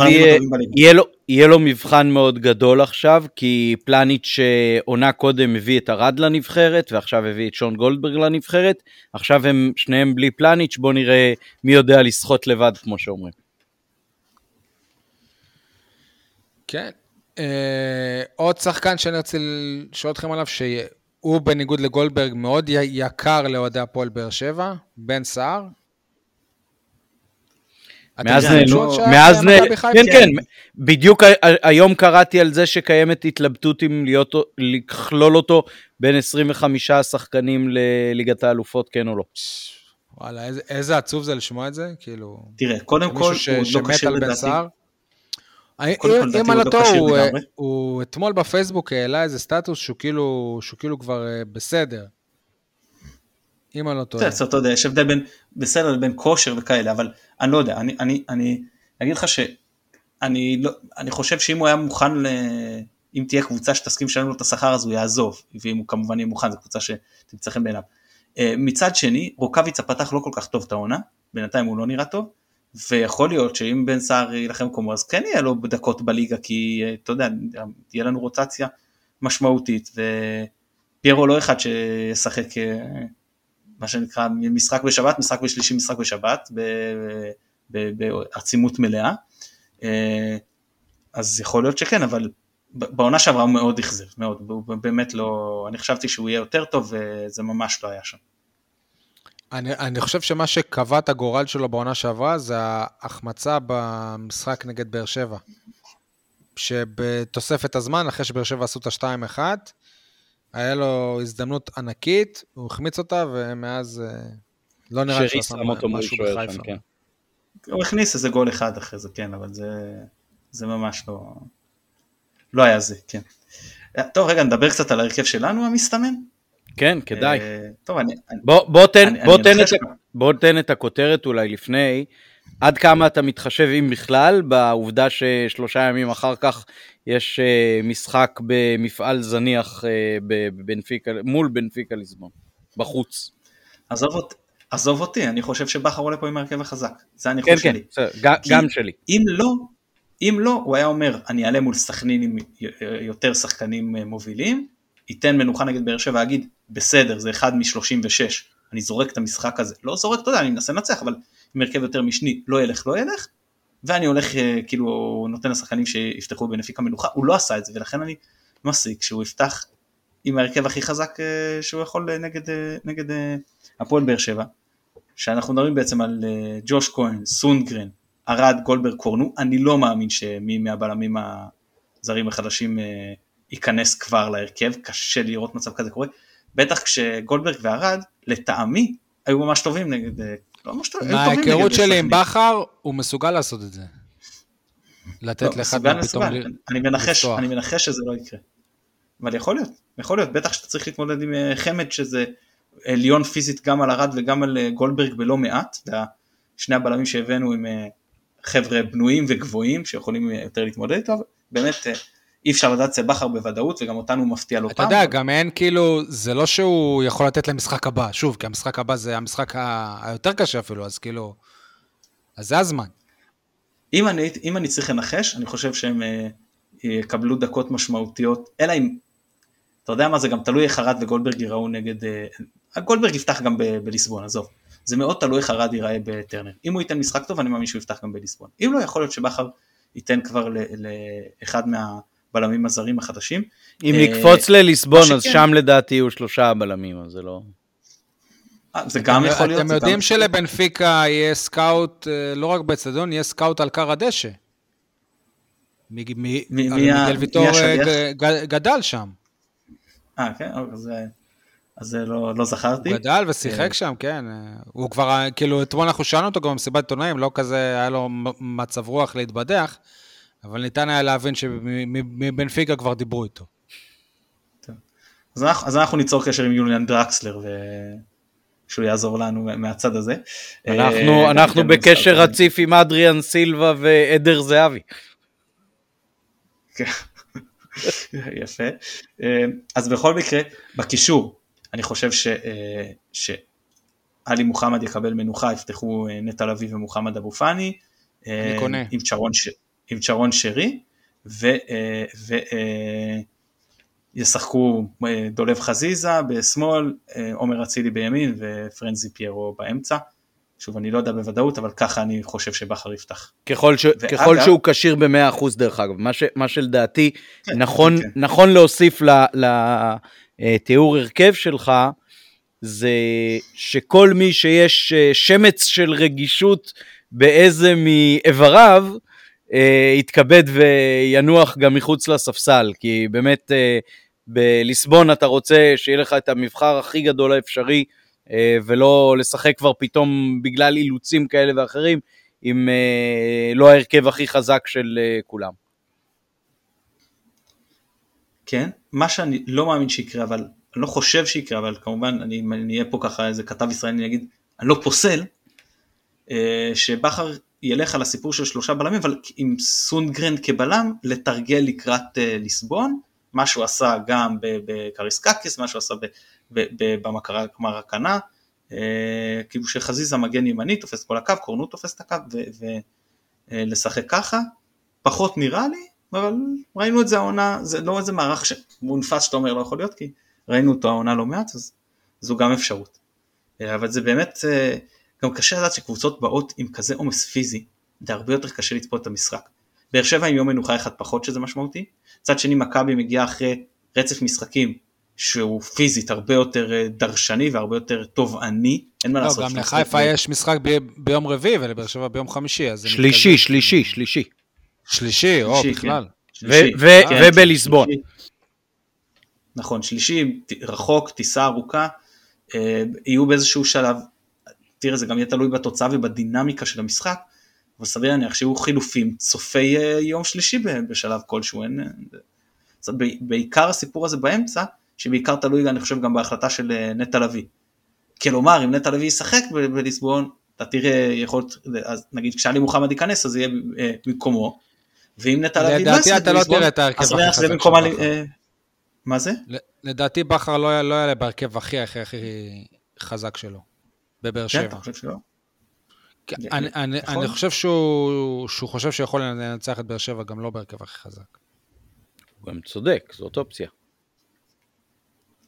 זאת אופציה, אבל אה, באר שבע קבוצה טובה. אני... לא, ברור שהיא קבוצה טובה מאוד, אה, אנחנו לאחרונה זה לא מפסידים שחק, להם. אתה לא- אתה לא יכול... אתה לא יכול לשחק מולם אה, שלו- אה, מה שנקרא 4-3 מחצית שנייה. חד, חד משמעית, בטח שההגנה שלך כרגע עוד באפטר שוק של העזיבה של פלניץ'. כן? המשחקים שנה שעברה, אני מזכיר, בין הקבוצות מבחינת תוצאות, מאוד שוויוני, כל אחת ניצחון והפסד. מאוד שוויוני, בבית. אבל גם לא- גם לא קשור למה שקרה על כר הדשא בדרך כלל. נכון, נכון, מסכים איתך, לא, לא קשור לזה, אבל מאוד שוויוני מבחינת תוצאות, כל אחת הפסד וניצחון בבית, אה, פעמיים במפעלים המשניים פנדלים, פעם אחת זאת מנצחת, פעם אחת זאת מנצחת, העונה התחלנו שוב, תיקו, פנדלים, אה, הפועל באר שבע ניצחה, אז באמת, אה, אתה כמו שאמרת, אתה, אתה קשה לצפות מי תהיה יותר טובה, וקשה לצפות מי תנצח, והקשר הוא לא, לא צריך להיות כן. קרוב אפילו אחד לשני. בהחלט. אבל אני חושב שהמשחק הכ- הכי טוב של אה, באר שבע היה באמת בגמר הגביע, שגם הוא הסתיים בתיקו.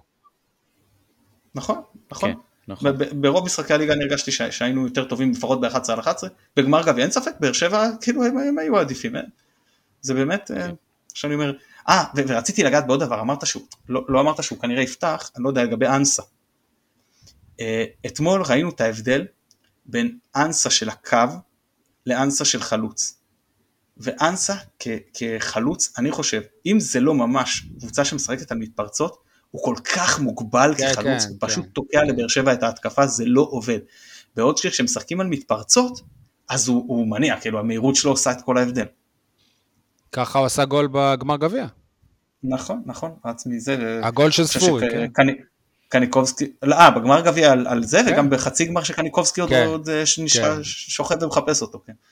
אבל כן, וזה הוצאת חוץ מהירה והכנסת כדור לאמצע חד משמעית. כן, וכול- וכולנו תקווה שהמשחק הזה יסתיים עם 22 על הדשא. ובלי פנדלים. כן. ובלי פנדלים, כן. בלי פנדלים, אז אני זה- לא יודע, נכון שזה ליגה, אבל כבר... הכל תלוי אם שכטר יהיה בסגל או ב- או ביציע, בזה זה... דרך אגב, יכול להיות, יכול, כן, להיות ש. יכול להיות שבעיקר מולנו, באר שבע יכולה לשחק בטקטיקה, כמו ששולחים את uh, שקיל אוניל, היו שולחים אותו לקו לזרוק עונשין. יכול להיות ששווה להם פשוט להפיל את השחקנים שלנו ברחבה, גול לא נראה מזה. כן, איך שאנחנו... אה, כן. אגב, גלאזר, איזה שדרוג, איזה שדרוג, באמת, בין השוער שוער חסר ביטחון, שממש גם מקרין על כל ההגנה, לשוער מצוין בליגה. אני אגיד לך משהו. אתה זוכר כאילו את הפנדלים שהוא עוצר. אני זוכר שבגמר הגביע הפועל באר שבע קיבלה שער באשמתו, ולא, ולא הופיע לה השוער השלישי בגמר הגביע, סבבה? הופיע השוער הראשון בגמר הגביע. אני זוכר אפילו ביום אה, חמישי שעבר נגד קריובה. אתם זוכרים שהוא עצר את הפנדלים, אני זוכר שבאר שבע קיבלה שער ב-100% אשמתו. זאת אומרת, אני חושב, אני לא חושב שהוא טוב כמו שאומרים, ואני לא חושב שהוא רע כמו שהוא היה בחיפה. זאת אומרת, אה, הוא, הוא, הוא שוער ישראלי טוב, אבל בדיוק טוב כמו אוה- אוהד לויטה, שיש לו חודשים טובים, או דני עמוס שהיה לו את זה, או אה, אני לא, לא זוכר אפילו את השם שלו, זה שהיה שוער של ביתר שנה שעברה, איתמר ניצן. שעכשיו הוא של נתניה. נכון, זאת אומרת, כל השוערים הישראלים הם בערך באותה רמה. אני, אני אשאל. אותך ככה, אני אשאל אותך ככה, אתה לוקח את ג'וש כהן ודניאל פרץ לפניו להפועל באר שבע? דניאל פרץ בוודאות. ג'וש כהן אני לא בטוח. אוקיי. legit. אגב, טוב. גם, אה, גם אריאל הרוש בהפועל באר שבע, זאת אומרת, אם אתה תגיד לי עכשיו שלא יודע, שגלאזר לא פותח, לא חושב שזה הבדל משמעותי. אני חושב אלא אם כן הראשון מגיעים. לפנדלים, אבל לא יהיה פנדלים במשחק הזה, אז אה, פחות רלוונטי. יכול להיות שיהיו פנדלים, אבל לא, לא, כן, לא כסריה מה שנקרא. אגב, באר שבע העונה הביאה מאמן שוערים שהוא עבד תחת גיא ויזינגר בהפועל באר שבע. זאת אומרת, הוא באר שבעי, שהיה סוג של עוזר כזה לוויזינגר, אני חושב אפילו בהתנדבות בחלק מהזמן. ושנה שעברה היה בהפועל ירושלים, ועכשיו הוא, בא, הוא חזר לבאר שבע מהדלת הקדמית.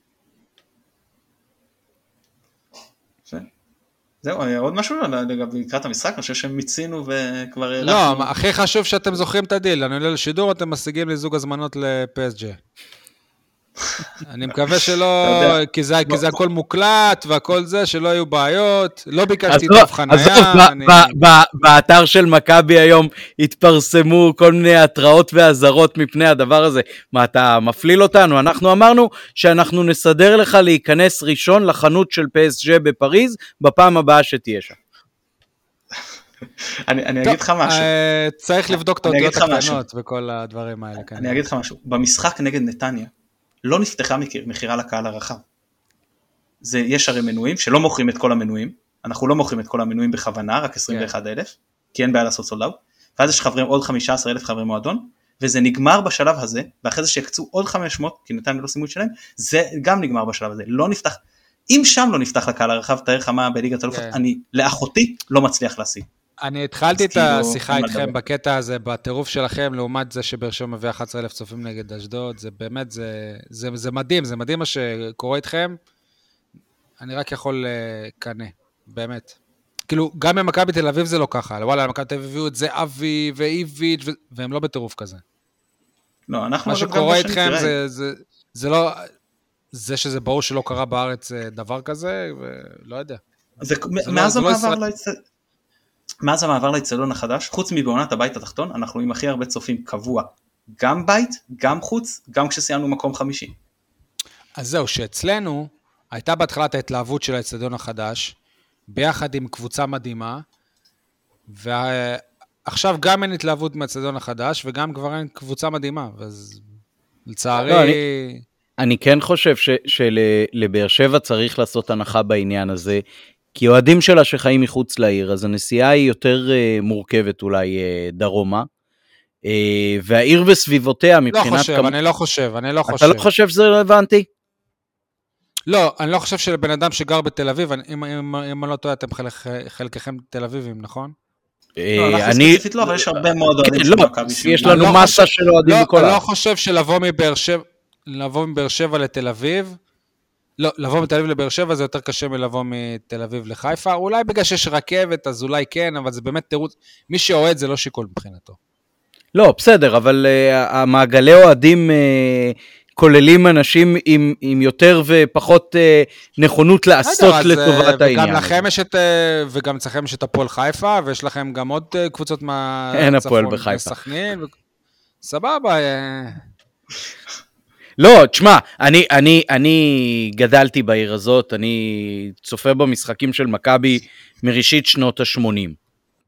יצא לי, בדיוק היום סיפרתי את זה לבן של פיני שרון, השיאן, הפיזיותרפיסט הוותיק שליווה את אה, מכבי כדורסל וכדורגל למעלה מ-40 שנה, אז דיברנו על זה. אז אמרתי לו, אני בספטמבר 99 נכחתי בשבעה של אחד האוהדים המאוד ותיקים של הפועל חיפה. אה, מאוד מאוד מקורבים, קיבלו אז מברק מטל בנין ומרן בן שמעון, וכל הקבוצה הייתה בשבעה וזה. חצי מהשבעה דיברו על איך מכבי חיפה מראשית שנות ה-80, אני מדבר איתך על משהו שהיה ב-99, איך מכבי חיפה מראשית שנות ה-80, שנה אחרי שנה שותה את כל מאגר האוהדים הפוטנציאלי של אה, הפועל חיפה. אה, אז זה משהו שעושה את זה. אה, ואני חושב שהאכסניה עכשיו של האיצטדיון, יחד עם ההצלחה של הקבוצה, באמת גורמת להתפוצצות של זה, וברגע שהאיצטדיון מלא, אז זה חלק ממה שעושה את האירוע יותר ויותר נחשק ונחשב אה, להגיע אליו, זה משהו שהוא קצת אה, ביצה ותרנגולת כזאת. יכול להיות ששווה לבאר שבע לחשוב אה, איך שיווקית היא ממלאה את האיצטדיון, כדי לגרום לבאז הזה אה, ולתחזק אותו. אה, אבל כן, אני חושב שמבחינת אה, כמות אוכלוסייה ומרחק מהמרכז, זה משהו שקצת יותר אה, קשה. המתקן גם של, של אתה אה, רואה אבירן. ש-8% מהמנויים, 8% מהמנויים לא באו למשחק אתמול. בסדר, אבל זה, אבל זה מנויים משהו, מתוך 12,000, זה לא- משהו, זה לא משהו באו. דרך אגב שקיים גם אצלנו. גם אצלנו, למרות שהאיצטדיון מלא בסוף, אבל אתה רואה שלקראת כל משחק, בסוף, בשעות האחרונות, יש, אה, יש כרטיס פנוי. עכשיו הביקוש הוא מאוד גבוה, אז אנשים פחות מציעים נגיד ברשתות ובקבוצות וואטסאפ אה, המוניות, ויותר יש להם אה, נגיש למי להעביר את זה. אבל גם בעונה שעברה, בהרבה מאוד משחקים, ברגע האחרון אנשים לא יכולים, לא זה, אתה יודע, זה כמו חתונה. יש עשרה אחוז שלא באים מכל מיני סיבות בסוף. זה, זה יפה שאתה מנסה לעודד אותי וזה, אבל אני... אני לא קונה את זה, אוהדי באר שבע צריכים, צריכים לבוא ב... בהמוניהם, גם אם זה אה. נגד אשדוד. חד משמעית, אני, נכון, אני מסכים, כמו מאוד בעד. שאמרתי לך. קבוצ- קבוצה טובה, מתקן מצוין, צריכים לבוא. תראה, גם יש, גם יש, אני חושב, רגעים מכוננים כאלה, שהופכים למשאבה. אני למשל, אחרי כמה וכמה שנים של אה, צבא וכאלה, חזרתי להיות אוהד קבוע ביציע, אה, בשלוש-שתיים של מכבי חיפה על פסג'ה. בדיוק לפני 24 שנים. זה אז אבל שח- שחזור, אה? אז כן, הלוואי. אה, אז אני חושב שאתה יודע, באיצטדיון יש רגעים ויש זמנים, ו- ומאב לבנו, אני חושב שיש לכם עכשיו אה, פוטנציאל הרבה יותר גדול, שבטווח של החמש, עשר שנים הקרובות, יהיה מעגל קהל הרבה יותר גדול. בשנים מסוימות זה יתפוצץ, ובשנים אחרות פחות. אתה יודע, אתה הזכרת לי עכשיו את המשחק שלכם נגד פריז. כשאמרתי לילדים שלי שקיבלתם את פריז בהגרלה, הם, הם, הם ממש שמחו. כי אמרו, יופי, הם אה, יקראו את חיפה וזה, ואז אני אמרתי להם, אתם יודעים שחיפה פעם ניצחה את uh, פריז? הם היו בשוק, כאילו, זה לא, זה לא נשמע להם הגיוני בכלל. אבל גם לא נשמע להם הגיוני, נגיד, שאליניב ברדה שיחק עם דה, דה, דה בריינה וכל מיני כאלה. כן. כן, האמת הייתי אמרתי שם בגנק כשהוא שיחק שם. בגנק לא הייתי, אבל בשלוש שתיים בפריז הייתי, וכמו שאמרתי, אגב, לא לדעתי את המשחק- גימל ככה. את המשחק נגד גנק, בבלגיה אני חושב שהוא החמיץ. יכול להיות, נראה לי בגלל פציעה, יכול להיות. בארץ הוא אה, כבש. כן. נכון. אוקיי, טוב, אה, עוד. משהו, שיהיה לכם אה, סוף שבוע טוב לכל המאזינים. תודה רבה רבה, שי, היה ממש כיף לדבר איתך. תבואו, מחוץ לטרנר יש עכשיו אה, פנזון כזה, כאילו דוכנים של אה, בירות, בירות ללא אלכוהול, כן, אבל אה, המבורגרים, פיצות, נקניקיות, תבואו. נגיד שלום סוף סוף, לא רק במרחב הווירטואלי. כן, אני, אני לא נוסע בשבת, אז אני. אז אני לא בא למ- למשחק. בשנה שעברה השיגו לי כרטיסים לכבוד שלכם, ועשיתי סוף שבוע עם הבת שלי במלון ליאונרדו, רק בשביל ללכת ברגל במוצאי שבת אה, לאיצטדיון עצמו, אבל הפעם אנחנו בואנה, בחיפה. מסודר אתה, הם השיגו לך לכבוד? בואנה, אתה יותר חזק ממני. רוב, רוב הכבוד היה אוהדים של מכבי חיפה במשחק ההוא. כן, טוב. אני, אני, הפעם זה לא יהיה ככה, כן? אה, אבל אני, אני אגיע כמובן. תודה רבה. לכם. תודה רבה, היה כיף, תודה רבה מתן. אה, נמליץ לכולם להאזין אה, ברשתות החברתיות, להפיץ, לשתף, לעקוב, לדרג. היה לנו כיף לשוחח, ושיהיה סוף שבוע נעים לכולם, ובעזרת השם, ירוק עולה.